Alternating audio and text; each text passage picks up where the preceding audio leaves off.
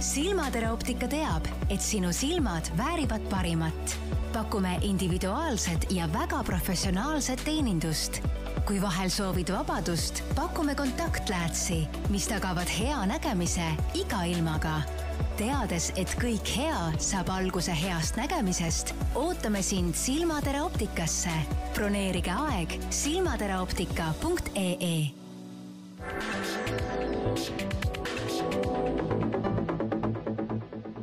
tere! tänases Elustiili saates räägime silmadest ja kuna silmad on üheks infoallikaks, siis me räägimegi pikemalt, et kui hästi me käime ümber oma nii väärtuslike infoallikatega ja selleks, et meil see vestlus sujuks kohe õiges joones, on meil täna külaliseks palutud siia Silmatera optika omanik Jaanika Kont ja Jaanika on oma ametilt optometrist aga mitte nii tava, tavaline, vaid magistrikraadiga. tere, Jaanika! tere! miks magistrikraad? selleks, et teada silmast natuke rohkem kui lihtsalt optometrist. kui inimestel, kui inimesed kurdavad, et nad ei näe hästi, siis nad ütlevad, et ma pean minema silmaarsti juurde ja aja kinni panema. kas see on ikka nii?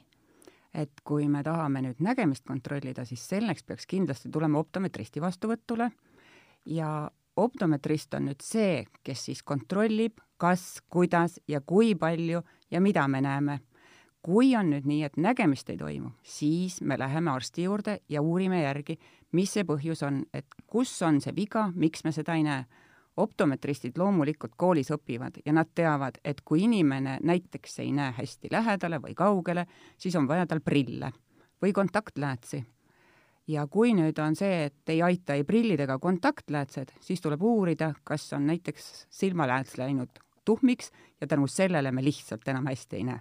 aga seda uurimist teevad juba silmaarstid või kes? Äh, meie ei saa panna diagnoosi, diagnoosi panevad arstid. nii et kui inimesel läheb silmanägemine halvemaks, tuleks tulla optometristi juurde, muude küsimuste puhul oleks siis silmaarst et kõigepealt alustatakse ikkagi optometristist ja siis ta juba teab, kuhu ja kelle juurde saata, sest arstid on ka ju kõik äh, spetsialiseerunud, kes millega tegeleb. et kes tegeleb glaukoomi ehk kõrge rõhuga, kes tegeleb äh, kataraktiga ehk hallkaega, kes tegeleb näiteks äh, sarvkesta muutustega, et meil on hea inimest suunata kohe õige spetsialisti juurde. kui selline nimi on nagu optometrist kas on veel mingeid sarnaseid huvitavaid nimetusi selle silmaarstile sarnanevate tegevustega? et on veel ortoptistid. kuidas see oli, ort-? ortoptist. nii, millega tema tegeleb? nii nagu ütleme, on ortopeed, on ka ortoptist, kes siis tegeleb kõõritajatega ehk need inimesed, kes kõõritavad, kas see on nüüd siis traumajärgselt või on see tal kaasasündinud, et äh, need on need inimesed, kes siis tegelevad ainult nende inimestega ja kes kõõritab sellele see sõnum, et see ei pea olema niimoodi aegade lõpuni välja, et seda saab muuta? et äh, kas nüüd on see, et seda saab prilliga muuta või on siis see, et tuleb teha arsti poolt operatsioon ja neid silmalihaseid pingutada, nii et need silmad hakkaksid otse vaatama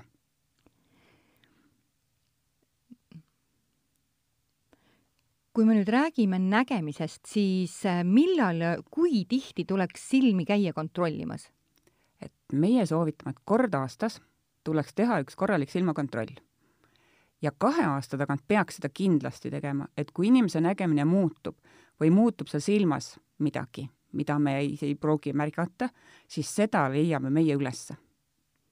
kui aldid on inimesed näiteks endal prille ette panema kas nad on kuidagi, see leppimine prillidega on suurenenud rahva hulgas, sest vanasti olid ju väga koledad prillid, siis nüüd on ju väga huvitava raamikujuga ja värvustega, et annab ju mängida. et kui vanasti oli valida ilusa võimatult ilusa raamiga, muidugi jutumärkides, koleda ja jubeda raami vahel, siis nüüd ma arvan, et et äh, inimestel on võimalik valida endale just selline raam, mis nendele endale meeldib. ja neid ri-, prilliraame on sõna otseses mõttes seinast seina. et ei pea olema alati see kõige kallim raam just see kõige ilusam, et vahest on ka keskklassi hinnas see raam ilus ja hea. et põhiline on see, et inimene paneks selle prilli ette ja ta kasutaks ja ta näeks. kui inimesel on võime näha ja ta ei kasuta seda võimalust, siis tal on midagi tegemata jäänud elus. kui palju inimesed usuvad selliseid müüte, et ainult vanad kannavad prille? tegelikult on ju see, et äh, nägemise areng hakkab juba emaüsas. silm areneb juba koos inimesega. ja kuidas nüüd need lapsed sünnivad, kas nad sünnivad natukene rohkem või natukene vähem nägijatena, ei tähenda seda, et ta peaks olema kohe vana inimene. Kui see nägemine ei ole arenenud, siis on ka kolmekuusel lapsel prillid peas. me ei saa öelda, et see kolmekuune on vana inimene. või et näiteks mõni klient tuleb ja ütleb, et ma tahaks vanaema prille milline on see vanaema. kas see vanaema on neljakümneaastane, kuuekümneaastane või kaheksakümneaastane? ja mis tähendab vanaema prill, et sellist prilli ei teaks küll, et oleks olemas ma olen ise näinud, kuidas inimesed, ähm, püüdes vältida endal prillide kandmist, kissitavad silmasid või, või tõmbavad seda silmalau küljes, külge äh, väljapoole.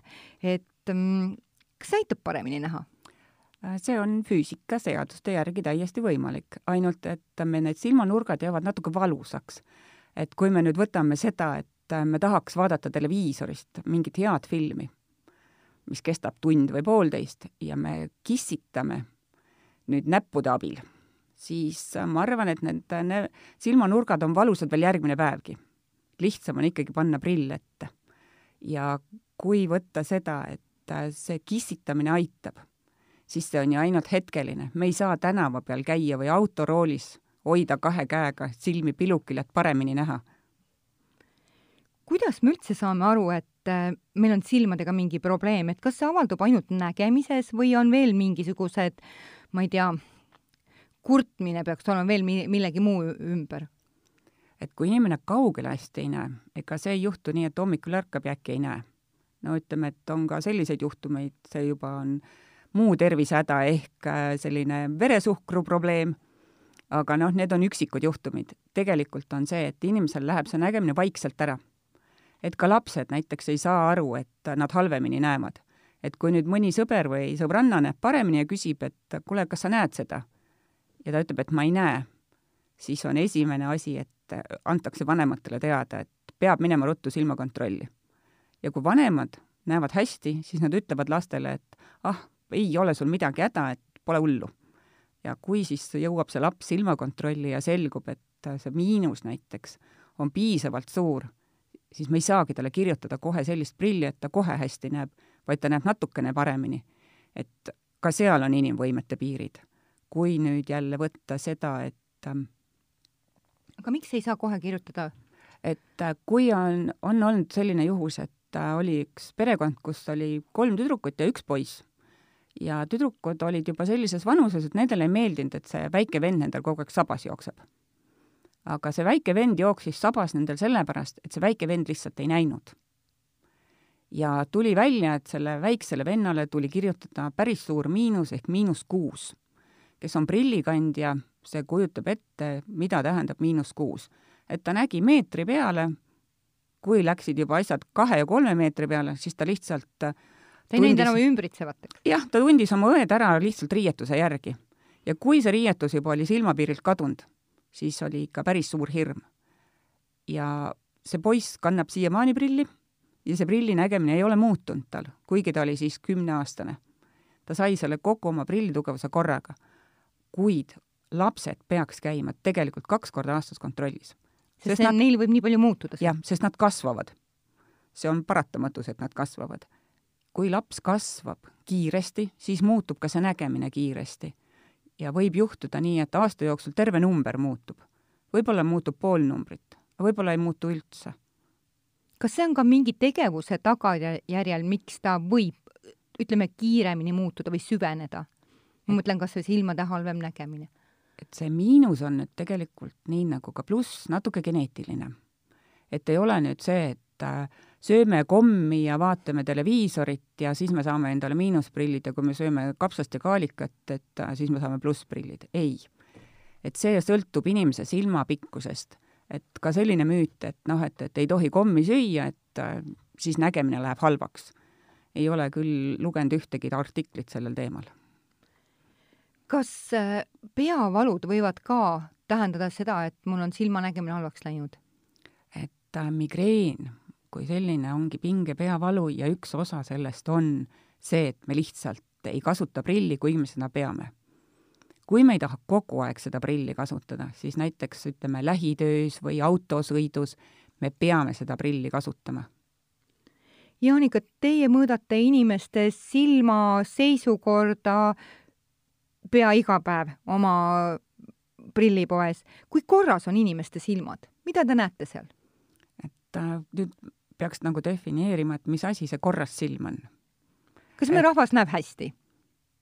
Äh, meil on, nii nagu ma arvan, et igas ühiskonnas on neid, kes tahavad näha ja neid, kes ei taha üldse näha. et on ka seda, kus klient tuleb ja me hakkame kauplema, et kui palju ta peaks nägema. et äh, tal on võime näha sada protsenti, aga ta ütleb, et ma tahan näha nelikümmend protsenti. ma ei taha kõike näha, mis mind ümbritseb. Siis kirjutada prill inimesele nii, et ta näeb nelikümmend protsenti, sest see on tema soov ja tahtmine meie riigis ei ole kohustust näha, kahjuks. kui nüüd võtame selle inimese ja anname talle nelikümmend protsenti nägemist, meil on väga hea, et ruumis sees ta saab sellega ilusti hakkama. ja kui ma palun tal näiteks vaadata aknast välja natuke kaugemale, siis ta ütleb, et ta ei näe. tekib küsimus, et kas see nelikümmend protsenti on äkki ikkagi vähe. Siis me lisame sinna veel natuke ja lõpuks inimene saab aru, et tegelikult see sada protsenti ei olegi üldse palju. seda on parasjagu.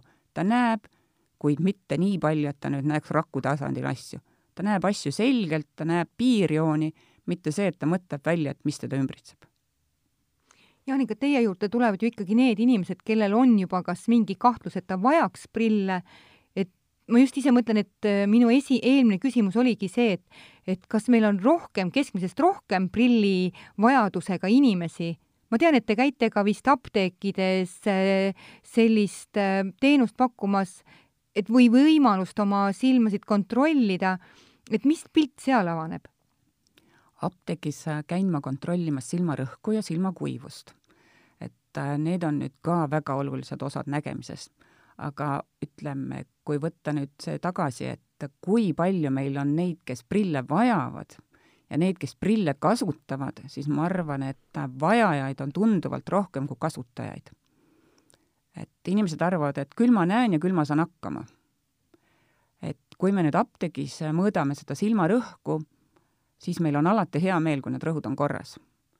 aga on ka neid juhtumeid, kus see silmarõhk on nii kõrge, et ma olen ka kutsunud kiirabi, et äh, inimese silmarõhk on seal viiekümne juures, kui kakskümmend on norm, et inimesel on paha olla, ta isegi ei tea, et tal võib see olla näiteks silmarõhust. aga millest see silmarõhk võib minna nii kõrgeks? silmarõhk on raske ja salakavalhaigus. et äh, see ei ole selline asi, mis kõigil on või ütleme, igal teisel oleks. või et mul on kõrge vererõhk, siis see tähendab, et on ka silmarõhk kõrge? ei, kindlasti mitte, et Äh, mingisugused seosed, aga mitte see, et kui on madal vererõhk, siis on madal silmarõhk või vastupidi. nii et see on ikkagi eraldi haigusena? see on eraldi haigus, jah mm. -hmm. et äh, prilli kandmine ei ole haigus. aga see, see kuiv silm, millest see tuleb? see nüüd on jälle tingitud, äh, ütleme, natukene meie keskkonnast, natuke sellest, mis, ütleme nii, et pool ja pool, et see, mis me ise oleme ja see, mis meie keskkond on. kui me võtame selle, et me istume äh, konditsioneeritud ruumis, meil on põrandaküte, meil on õhuniiskus kakskümmend, kolmkümmend ja me vaatame päeva läbi arvutisse, siis need silmad, ma arvan, et enamus kontoritöötajaid teab, et kui kolmapäevaks ei ole need silmad roosad, siis reede õhtuks on nad punased kindlasti. mida me saame teha, et meie silm oleks ikkagi märjem? on see õige öelda niimoodi? no jah, niiskus, märgus, enam-vähem sama et äh, seal on nüüd äh, mitu asja, et üks asi on see, kui palju me pisaraid toodame. Ja teine asi on siis see, et kuidas see pisaravedelik meil ka silmas püsib. Jaanika, millest koosneb see, äh, see pisaravedelik, sest see on täiesti vale ütlemine, et see on üks soolane vesi, eks? seal soola on ka sees jah, ehk mineraalid. Ja pisaravedelik on, ütleme nii, et võtame esimesed kolm kihti, et see on selline veekiht on keskmine, pealmine on selline õlikiht ehk lipiidikiht, siis on veekiht ja siis on limakiht. kui nüüd seda kaitsvat õlikihti seal peal ei ole, siis see vesi aurub ära ja mis juhtub limaga, loomulikult see limakiht muutubki selliseks teravaks, torkivaks, mida inimesed teavad, kui nendel on kuiv silm. kui see silm läheb juba nii kuivaks, et seda pilgutamine on raske või hommikul on halb, ebamugav, ei saa silmi lahti või öösel inimene ärkab näiteks, et äh, silmad on nii valusad, et ei saagi aru, milles asi on, siis vaadake üle oma toa temperatuur ja õhuniiskus. nii et niiske äh, või kuidas siis on, et õhuniiskus, mida suurem, et see oleks silmale parem? no eks me, ega me ise ei taha ka olla kuskil soojas ja niiskes nagu subtroopikas, et see peaks olema ikka mõistuse piires. ta ei tohiks olla kuiv, et me ei ole jälle kaktused, eks ju mm. -hmm. mingi alates kolmekümnest või? ütleme, nelikümmend viis, seitse oleks selline no, nii? päris hea, jah.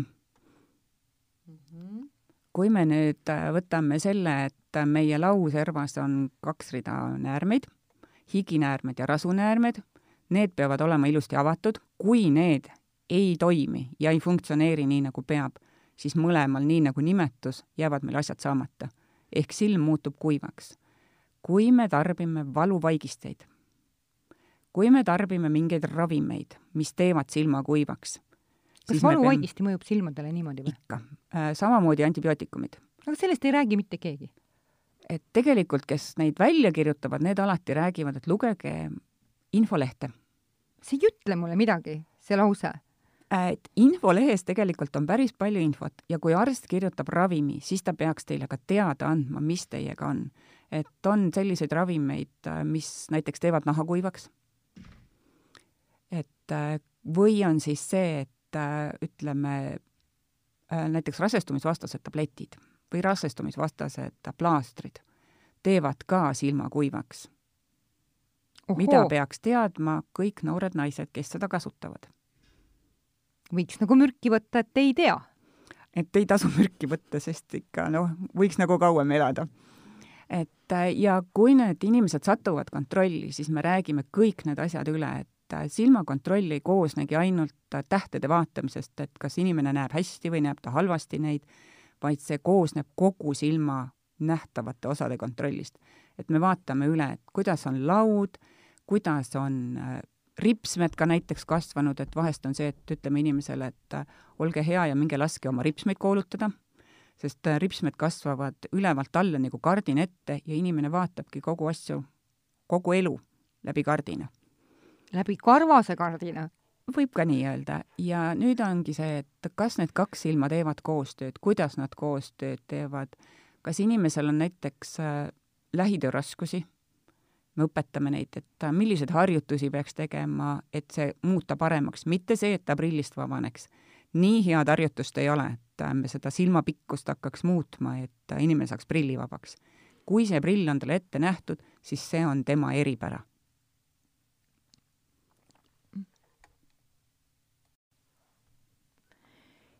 Jaanika, mm, mida siis oleks inimestele kohe hea soovitada, kui me räägime oma silmade hoidmisest?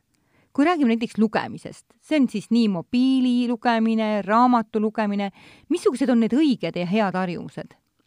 et äh, nagu vanasti räägiti, et äh, tuleks istuda laua taga sirge seljaga ja lugeda raamatut. ma arvan, et seda vist ei tee enam mitte keegi.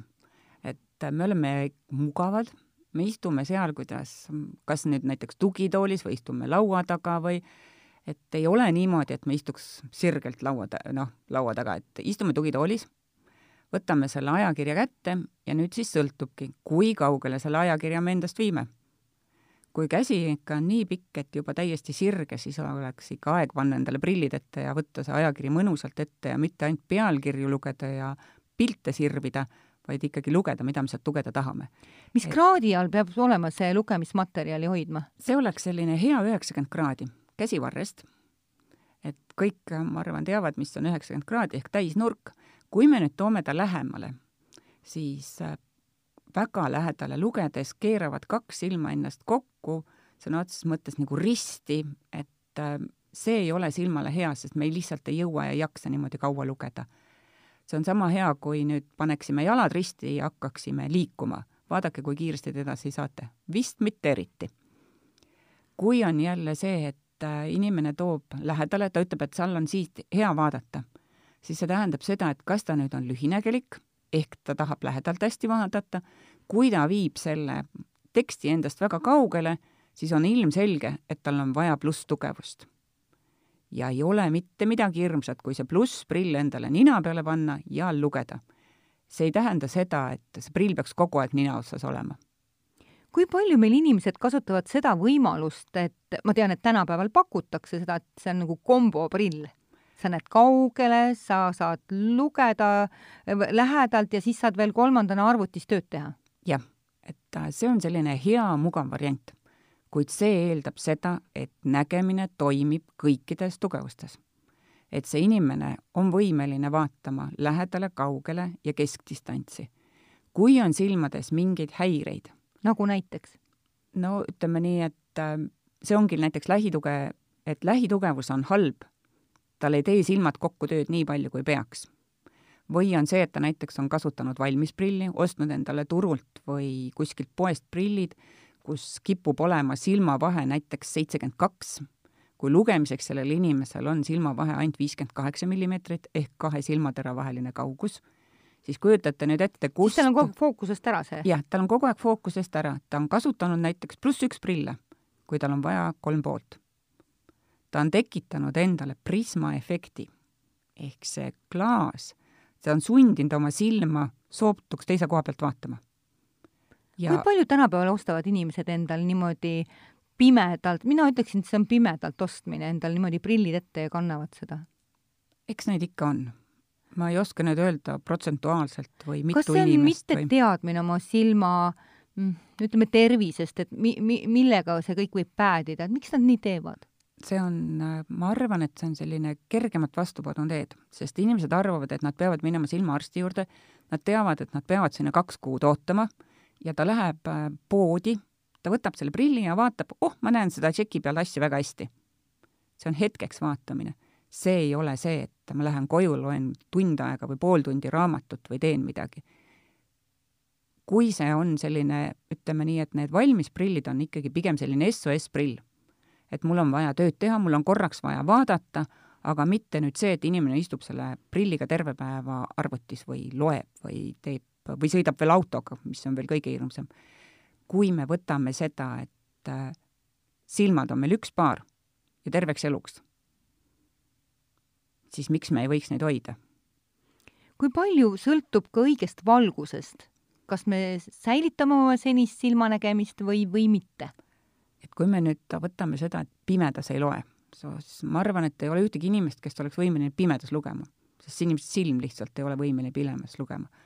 Kui on see, et hämaras on raske lugeda, siis see on meile märk sellest, et inimesel on prilli vaja. sest tegelikult mitte valgust juurde Ehm, see on see prilli edasilükkamine, jah. et kui me nüüd võtame, et hämaras valguses me saame loetud sama hästi kui heas valguses, siis me silm on korras. kui on nüüd see, et valgust jääb vähemaks, et on kodus üks lühinägelik ja teine on kaugnägelik, siis lühinägelik läheb ja kustutab tulesi ja see kaugnägelik ehk see, kes tahab lugeda, see paneb kogu aeg tulesi põlema ja riid ongi majas. ei soovita me rääkisime ennem veel ka, tuli jutuks meil sellest kuivast silmast, ma tahtsin küsida sellist asja, Jaanika, et kas need silma meikimine ka kuidagi mõjutab seda silma tervist või see, et meil nüüd on silm kuiv või, või kui me jätame selle meigi sinna silma peale, mis võib juhtuda näiteks noortel inimestel küllalt tihti, et tuled sealt rõõmsalt peolt ja tegelikult jääbki kogu see ripsmedušš sinna silma. et see ripsmedušš, mis on siis ripsmete peal mingil määral teatud koguses alati on ka silmas sees. et ei ole sellist ripsmeduši veel, mis ei satuks silma.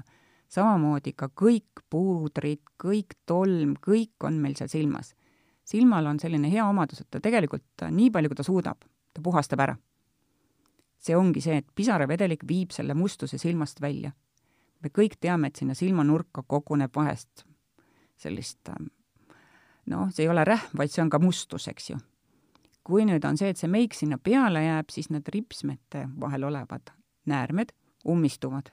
silmalaud lähevad ilusti punaseks, mis on jälle omakorda meigi osa, võib-olla, ja kui nüüd on see, et äh, see meik jääb sinna pikaks ajaks peale, siis me saame ka sinna niisuguse kerge laupõletiku, mida on kerge hea ravida, kui me selle puhtaks peseme.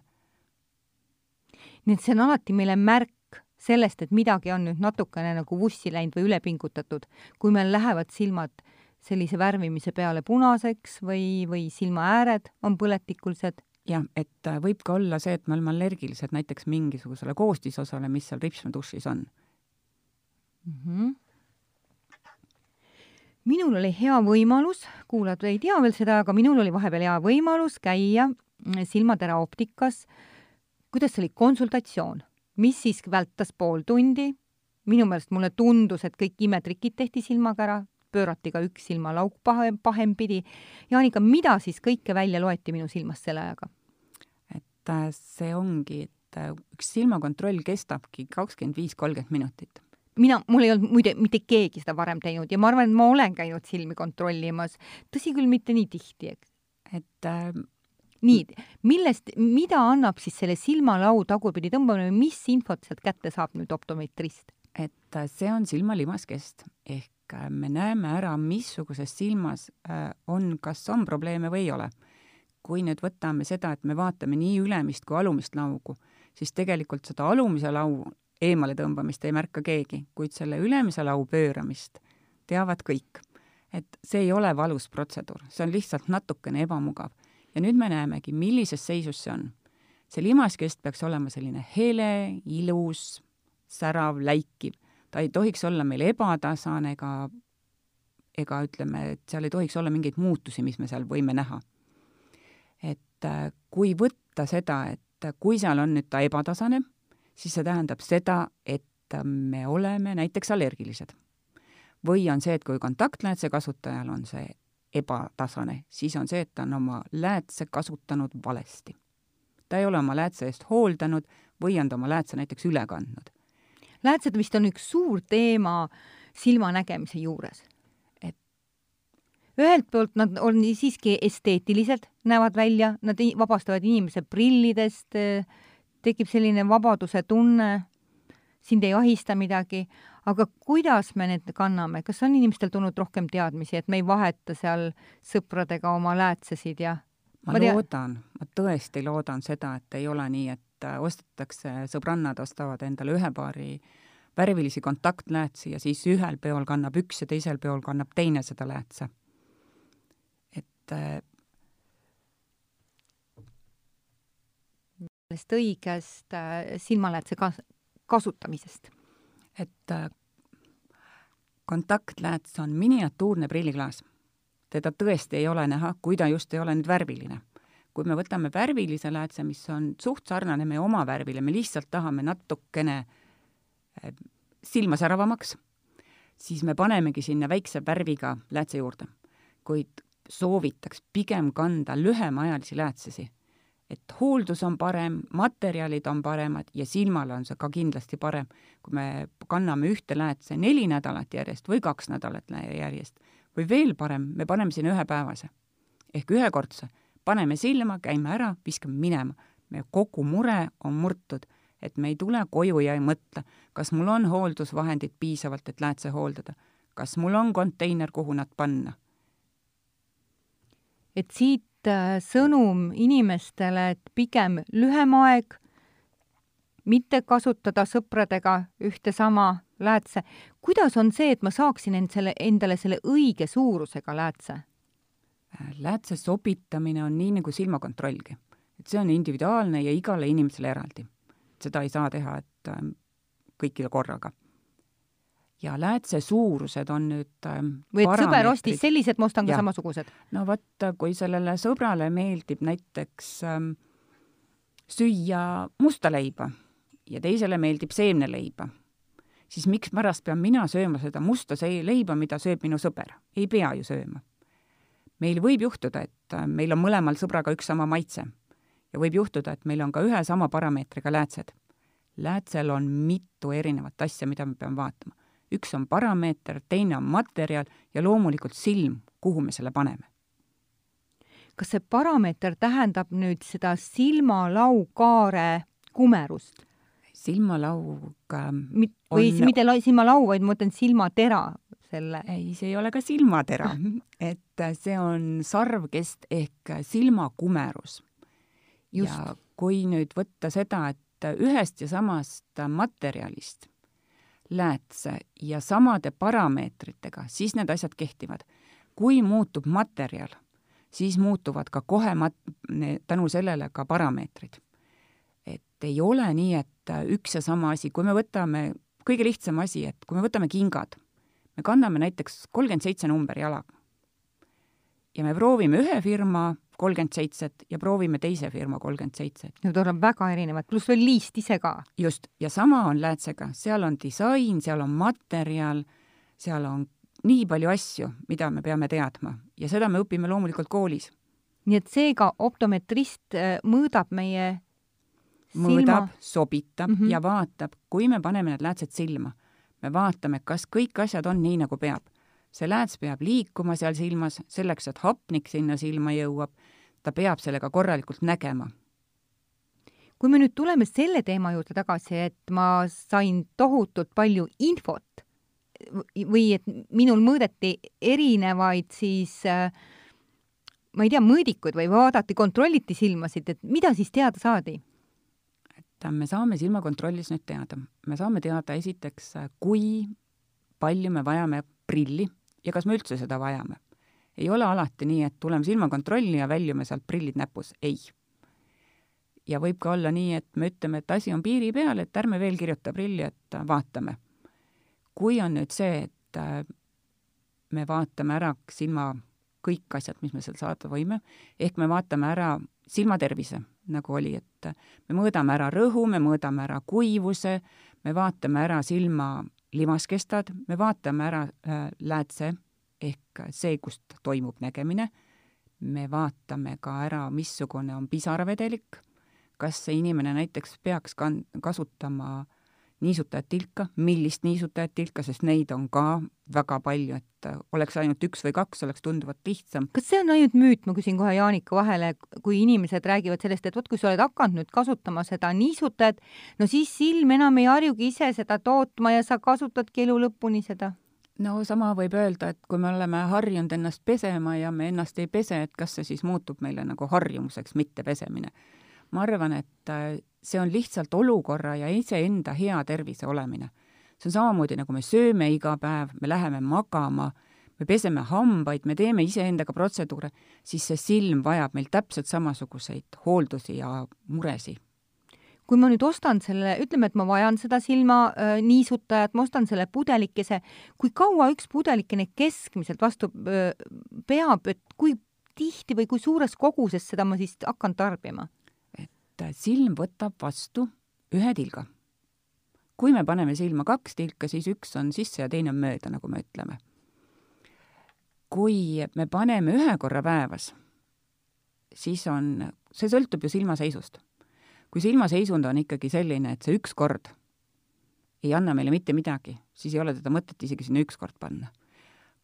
tegelikult peaks panema vähemalt kolm korda päevas selline rusikareegel, hommikul päeval ja õhtul enne magamaminekut.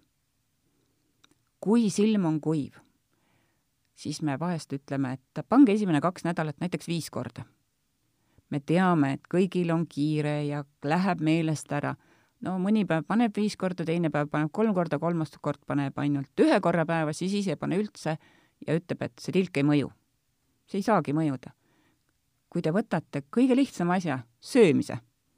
täna sööte, homme ei söö ülehomme jälle söö. ma ei tea, kuidas te ennast üle-ülehomme tunnete. see on, see kuiv silm on nüüd see, et see on meil tingitud ikkagi sellest, kus ja kuidas me oleme. see kuiv silm ei ole ka selline tänapäeva, nagu öeldakse, moodne haigus, et kõigil on kuiv silm. ei ole. selleks tulekski käia silmakontrollis see silmakontroll ei tähenda prillikontrolli, see on hoopis teine asi. aga need kaks asja tehakse alati koos. iga optometrist teab ja ka klient peaks teadma seda, et silmakontrollis kontrollitakse peale nägemisega kõik muud asjad ära, ka silmarõhk ma tahtsingi just küsida, et mida, mida saab optometrist siis järeldada või teada, kui ta nüüd saab selle rõhunumbri teada? et esimene näitaja ongi number. Kui me nüüd saame teada, et see silmarõhk on kõrge, aga kõik muud asjad on korras, siis see ei tähenda kohe seda, et seal on patoloogia taga, et inimesel ongi kõrge rõhk ja tal ongi glaukoom. see võib olla ka sarvkeste paksusest. glaukoom ehk rahvakeeli rohekae on ju veel kas valge kae ka? hall kae ah,. hall kae, õigus. et see nüüd on see, kui lääts läheb tuhmiks ja inimene enam hästi ei näe ja muutuvad ka värvinägemised. kui me võtame seda, et glaukoom on, ehk silmarõhk on nii kaval haigus, et me ei teagi, et näiteks me oleme ühest silmast pimedad. sest meil kaks silma ju, mõlemad silmad teevad tööd. üks silm näeb natuke paremini, teine näeb natuke halvemini. ja iga halb nägemine ei tähenda veel glaukoomi? ei, kindlasti mitte, ei ole glaukoom halb nägemine. et glaukoomiga võib inimesel väga hea nägemine olla, aga tal kaovad ära vaateväljad. et klassikaline on selline, et kaob ära keskelt, aga see ei pruugi üldse nii olla. et kaob see nägemine äärealadelt nii kaua, kui tal jääbki ainult keskele nägemine. kas Või... glaukoomi saab lõikusega kuidagi eemaldada? kui rõhk on kõrge ja, ja sinna, ütleme, tilgaravi ei mõju, siis arstid tegelevad glaukoomiga. mitte ükski optometrist ei tegele glaukoomi raviga, sest see on haigus ja see on arstide pärusmaa. aga seda lõigatakse? ei, sinna tehakse laseriga, lastakse noh, ühesõnaga lahe ähm,, tehakse see rõhk madalamaks, ma ei tahaks nagu hirmutada neid, kellel seda tehakse või seda tehtud on, et sinna tehakse niisugune auk ja lastakse nagu õhk välja, ütleme põhimõtteliselt niimoodi. aga seda hallkaet, seda siis opereeritakse, sest ma olen kuulnud, midagi ikkagi lõigatakse. jah, hallkae opereeritakse ära, see tähendab seda, et oma äh, tuhm ja mitte hästi nägev lääts vahetatakse puhta selge läätse vastu ja see nägemine jääbki selliseks, nagu see lääts pannakse. ehk äh, inimene kas siis näeb kaugele väga hästi või on siis see, et pannakse läätsed selliste tugevustega, et ta vaatab näiteks ühe silmaga, mis hästi juhtsilm, millega ta näeb siis kaugele hästi, ja teine silm tehakse natukene teistmoodi, nii et ta sellega näeb natuke paremini. ja aju tasandil pannakse pilt kokku, et äh, silma pannakse siis uued läätsed ehk kunstläätsed, mis jäävad siis eluks ajaks ja on selged kuni elupäevade lõpuni, kui nad just ei, ütleme, mingil põhjusel ei lähe tuhmiks, siis neid puhastatakse, enam silmast välja keegi ei võta neid. ja saab teha ju siis vastavalt, kuidas siis silmaarstiga kokkulepped on, et kas siis inimesel jäävad, mõni tahab, et ma olen eluaeg prille kandnud, ma tahangi prillidega käia. Et siis tehaksegi talle nii, et pannakse uued ja puhtad läätsed, aga ta lihtsalt näeb prilliga paremini. mina soovitaks küll pigem teha, kui juba teha, siis teha nii, et kaugele hästi korda ja siis, kui meil on vaja lähedale vaadata, siis meil on prill ees. et seda lähedale vaatamist on vanemas eas alati vähem kui seda kaugele vaatamist. raamatute lugemist võib-olla mõnel vanal inimesel on rohkem, aga ka siis võib tal see kodus see prill ees olla, aga ta saab kõik oma ülejäänud asjad teha prillivabalt. meie kliimas, kus tuleb taevast äh, lund ja vihma ja, ja rahet ja veel mingeid ilmanäitusi siis on väga hea ja mugav. kui sul ei ole neid uduseid prille seal. kui meil ei ole neid abivahendeid seal nina peal olemas. aga ega siis see on paratamatus, et me peame panema endale prilli ette. see ei ole nüüd see, et ma olen nüüd vana inimene, ma kannan prilli. Noored inimesed kannavad prilli, nulltugevusega kantakse prilli selleks, et muuta ennast Jaanika, räägime natukene kuulajatele ka, kuidas on prille õieti hooldada kuidas teda ära tuleks võtta üldse eest? filmides on nii, et äh, kangelane uljalt kisub prillid eest endal. no eks me võime seda teha, ainult et äh, siis tuleb väga tihti prillipoodi külastada. miks siis? see prill lihtsalt äh, ei pea vastu. et prill peaks käima kahe käega ette ja kahe käega eest ära. kui meie temperament ja äkki mingi vihahoos pahameeles või vastupidi, väga heast rõõmust võtame prilli eest ära ja ühe käega. kui me seda teeme ühe korra ei juhtu mitte midagi. kui me teeme seda iga päev, siis see üks prillisang lihtsalt läheb katki, ta ei pea sellele koormusele vastu. nüüd tuleb mulle küll meelde, see on nagu klassika. eks see ongi klassika. ja prilli peab pesema. Ahah. mõni küsib, et isegi miks? metallraame? ikka peab, sellepärast et kui päeva jooksul me läheme sellele näiteks näpuga vastu või pritsib kuskilt midagi, siis me lapiga ajame selle mustuse ilusti sinna prilliservadesse ja lõpuks on see, et muudkui pühime ja pühime ja ütleme, et klaasid on jamad, et need ei lähegi puhtaks, need jäävadki kogu aeg rasvased ja mustad. ja siis me lähe-, inimene tuleb prillipoodi ja see prill on selline, et me paneme selle prilli vanni. Me paneme selle prilli vanni sõna otseses mõttes teatud keemiliste vahenditega, peseme selle puhtaks. ja siis inimene ütleb, näe, polegi uut prilli vaja, et piisas ainult pesemisest aga kuidas seda õieti pesta siis, kas ma võtan siis kodus selle nõudepesuvahendi või, või mis see on see? et võib ka nõudepesuvahendi võtta, aga siis ei tohiks noh, et, et me ju nõudepesuvahendiga hoiame oma käsi. seal võib olla kreeme sees. õige. samamoodi ka seep, mis meil vannitoas on, võib sisaldada kreemi. see peab olema kõige lihtsam, kõige tavalisem. ja kui nüüd on nõudepesuvahend, siis seda tuleb ikkagi lahjendada üks viieteistkümnele. sest need kontsentraadid on suhteliselt tugevad ja need ei tohiks sisaldada mitte ühtegi hapet, ei sidrunhapet, ei apelsini, ei õuna sest need rikuvad jälle omakorda ära klaasipinnad. või saame siis prillipoest hoopis selle õige puhastusvahendi ka osta? jaa, aga prilli peab pesema ikkagi. see prillipuhastusvahend on see, et kui me nüüd iga päev seda ei pese, siis me saame selle klaasi puhtaks. et äh, võiks võtta sellise hästi pehme, soft hambaharja ja sellega pesta kogu selle raami servi ilusti puhtaks ja pesta ka ninapadjad puhtaks ja pesta ka sangad puhtaks. sang on nüüd otseselt kogu aeg kontaktis meie nahaga. see kipub meil olema ka natuke rasvane. Kui meil on tolmune töö, siis on see ka must. kes lähevad trenni, teavad, et higistavad. Need plastiksangad muutuvad aja jooksul selliseks valkjaks, mitte just enam eriti ilusaks ei ja siis inimesed ütlevad, et ah, see oli mingi jama raam, et ma ei taha seda, et see läheb valgeks, need mustad sangad see on kõik, viitab sellele, et me ei ole selle prilli eest korralikult hoolt kandnud. kui me oma autot ei pese, läheb ka mustaks ju. Me ju võime sealt lapiga üle pühkida, aga ega siis auto puhtaks ei saa, saab ainult see koht puhtaks.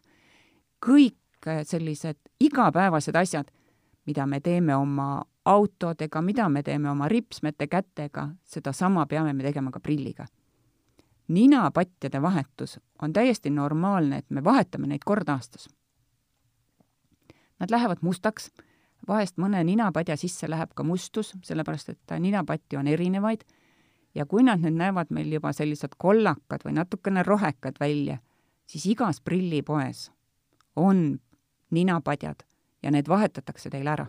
ja teie prill näeb jälle ilus ja natukene uuem ja parem välja mm. -hmm. Jaanika, kui, kui ma siis olengi nüüd selles prillipoes ja mul leitaksegi, ongi miinus või pluss nägemine, kas see eeldab kohe automaatselt prille? no peale selle, et, et kui mul nüüd oleks enda jonnakus, et ma ei taha prille. no vot, selle jonnakuse vastu ei ole meil ja, küll jah. aga kui on nüüd, mis, mis et äh, prillipoes tingimusel on teistmoodi, näiteks öeldaksegi, et polegi vaja? et me kontrollime ära ju nägemise, ehk me kontrollime ära nägemisteravuse kui nägemisteravus on korras, siis üldreeglina prilli vaja ei ole. kuid me peame teadma, et ka kaks silma koos teevad tööd. Me kontrollime ära stereonägemise, me kontrollime ära kahe silma koostöö ja me vaatame, et kõik asjad inimesel toimiksid. et vahest juhtub ka seda, et prilli ei ole vaja, kuid oleks vaja teha natukene teatud harjutusi selleks, et prilli, prillivaba olla ja need silmad kahekesi teeksid paremini koostööd millest see tingib, et silm ei taha koostööd teha, mis põhjusel? see on jälle aju tasandil. On asju, mida me saame muuta ja on asju, mida me ei saa muuta. näiteks äh, värvitest, me teeme inimeste värvinägemist, kontrollime, et kas see värvinägemine on korras. et ei juhtuks seda, et äh, mees ütleb, et äh, see sein on täiesti sinine, naine ütleb, mis asja sa jamad, see sein on roheline. et ei tekiks kodus riidu või on näiteks riiete vaheselt, et naine ütleb, et pane see sinine pluus, mees ütleb, mul ei ole ühtegi sinist pluusi. ja naine ütleb, et näe, mis see seal kapis siis rii-, ripub, see on ju sinine. Või on siis see, et on näiteks kollakad või rohekad toonid seal, et viimane selline, ütleme, polegi nagu, ei mäleta, et oleks olnud sellist olukorda, et äh, inimesel on saadetud perearsti poolt silmakontrolli, kuna on värvi, taju ja nägemistega probleeme. B-kategooria autojuhiga oli tegemist. inimene näeb värve, kui need on üks täis selge värv, kui on see juba alatooniga, siis need värvid enam ei ole need. valgusfooris me teame, et mis järjekorras on tuled, inimene teab, kuidas need värvid on. kui me nüüd võrdleme seda, et kas tema seal värve näeb nii, nagu testis on, siis on asi kaugel sellest, et inimene ütleks, et roosa on roosa või et see on fuks ja roosa või et see on mereroheline. tema jaoks on see mingit värvi sinine või roheline või mingi punane. Jah, ma vaatasin ka neid pilte seal teie prillipoes ja need olid tõesti üllatavad tulemused, mida ma sain ka enda kohta teada. kas äh, Delfi kuulajatel ja lugejatel on ka võimalus kasutada mingit head pakkumist, mis praegult teie optikapoes äh, saadaval on? et äh, me tegime sellise hea, enda arust väga hea pakkumise, et laps ja lapsevanem, kui mõlemad tulevad silmakontrolli, siis on see kogu visiiditasu viisteist eurot. kui muidu oleks see visiiditasu nelikümmend eurot. me saaksime kõik nägijateks tuleb meil pime, külm, vihmane, pikad talveõhtud, kus meil oleks hea mõnus kodus lugeda või oleks hea mõnus oma lapsi koolitöödes aidata. et me näeksime, lapsed, kes lähevad kooli, et nad näeksid ja nad oleksid võrdsed nendega, kes paremini näevad kui nemad oma prillid, ilma prillita. koolis hakkama saamine sõltub sellest, kas meil on elus hästi või meil ei ole elus hästi vahest on ka olnud seda, et äh, laps ei taha koolis käia, talle ei meeldi lugeda. lapsevanemad, mõelge selle peale.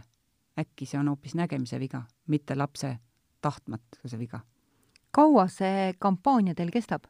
Selle me tegime septembri lõpuni, et kõik lapsed, kes on maal praegu, jooksevad ringi, naudivad suve. et kooli tulles nad tahavad teada, et kui nad istuvad seal kolmandas pingis kas nad peale õpetaja näevad ka seda, mida tahvli peale kirjutatakse. lapsevanemad, kui nad sõidavad ja viivad lapsi autoga kooli, kas nad näevad kõike väga hästi ja selgelt? Jaanika, meil hakkab salvestusaeg siin läbi saama. mis on mingi hea mõte veel lõpetuseks öelda kuulajatele? hoidke oma silmi nagu iseennast nende heade mõtetega jääme täna äh, lõpetama saadet ja täna oli saates külaliseks Jaanika Kont, silmatera optika omanik ja optometrist. mina olen saatejuht Juuli Nemvalts.